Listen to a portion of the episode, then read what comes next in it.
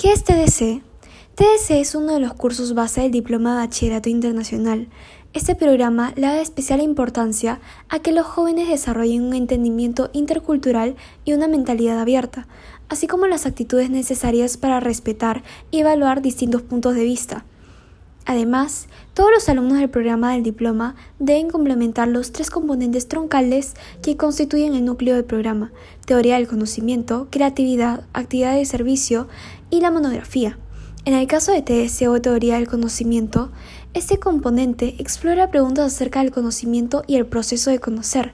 También pone de relieve las comparaciones y conexiones que existen entre las áreas de conocimiento y anima a los alumnos a adquirir una mayor conciencia de sus propias perspectivas y de las perspectivas de los demás.